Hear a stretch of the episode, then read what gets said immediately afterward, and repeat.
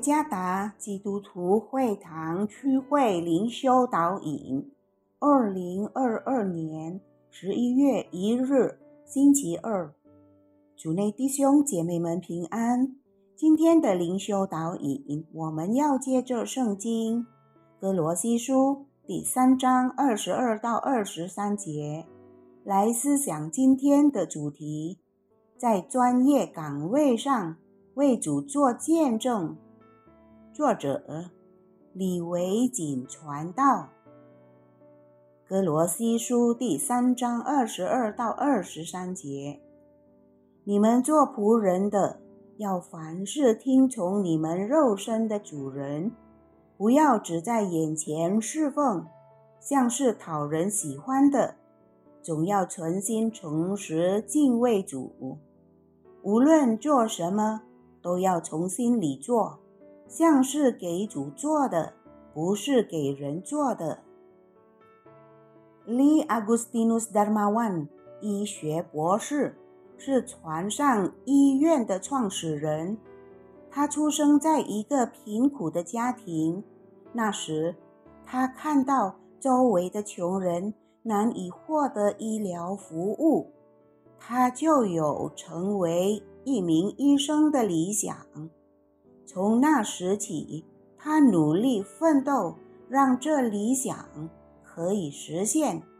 虽然常受到朋友们的嘲笑，他仍努力让这理想可以实现。每天早上上学前，他都会去学校附近的教堂祈祷：“上帝啊！”我多么盼望能在德国医学院学习！多年来，他不间断地如此祷告。终于，他在德国医学院取得了四个手术医生博士的学位。然后，他与 Doctor Share 一起创立了船上医院 （MLSR）。Dr. Lee Agustinus Darmawan 的船上医院提供免费的医疗服务。Dr. Lee 船上医院的出现，帮助了不少穷苦百姓。上帝的名因 Dr. Lee 的生活见证被高举。他一视同仁，不分贫富，真诚地为病人服务。他服务病人，就像服侍主一样。使徒保罗劝勉哥罗西的信徒，应当如何行事为人。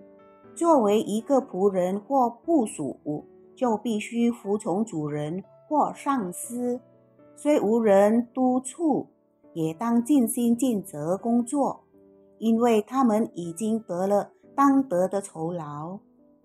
基督徒对上司的服从，并不为了得到表扬，而是真诚的工作。他工作的动机只为荣耀神的名，这样的态度才能真正的完成所托付给他的任务。同样的，神也教导身为主人或上司的基督徒。要公正诚实地对待仆人或部属，关心他们的生活环境，就如神关怀我们一样。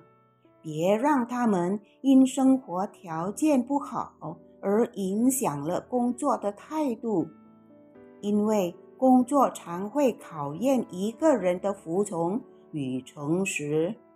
信徒应坚守神的话。在工作岗位上为主做见证，在职场上，我们是神国度的宣教士，专心靠主，永不言退。为基督尽忠职守，工作就是荣耀神的见证。主耶稣赐福。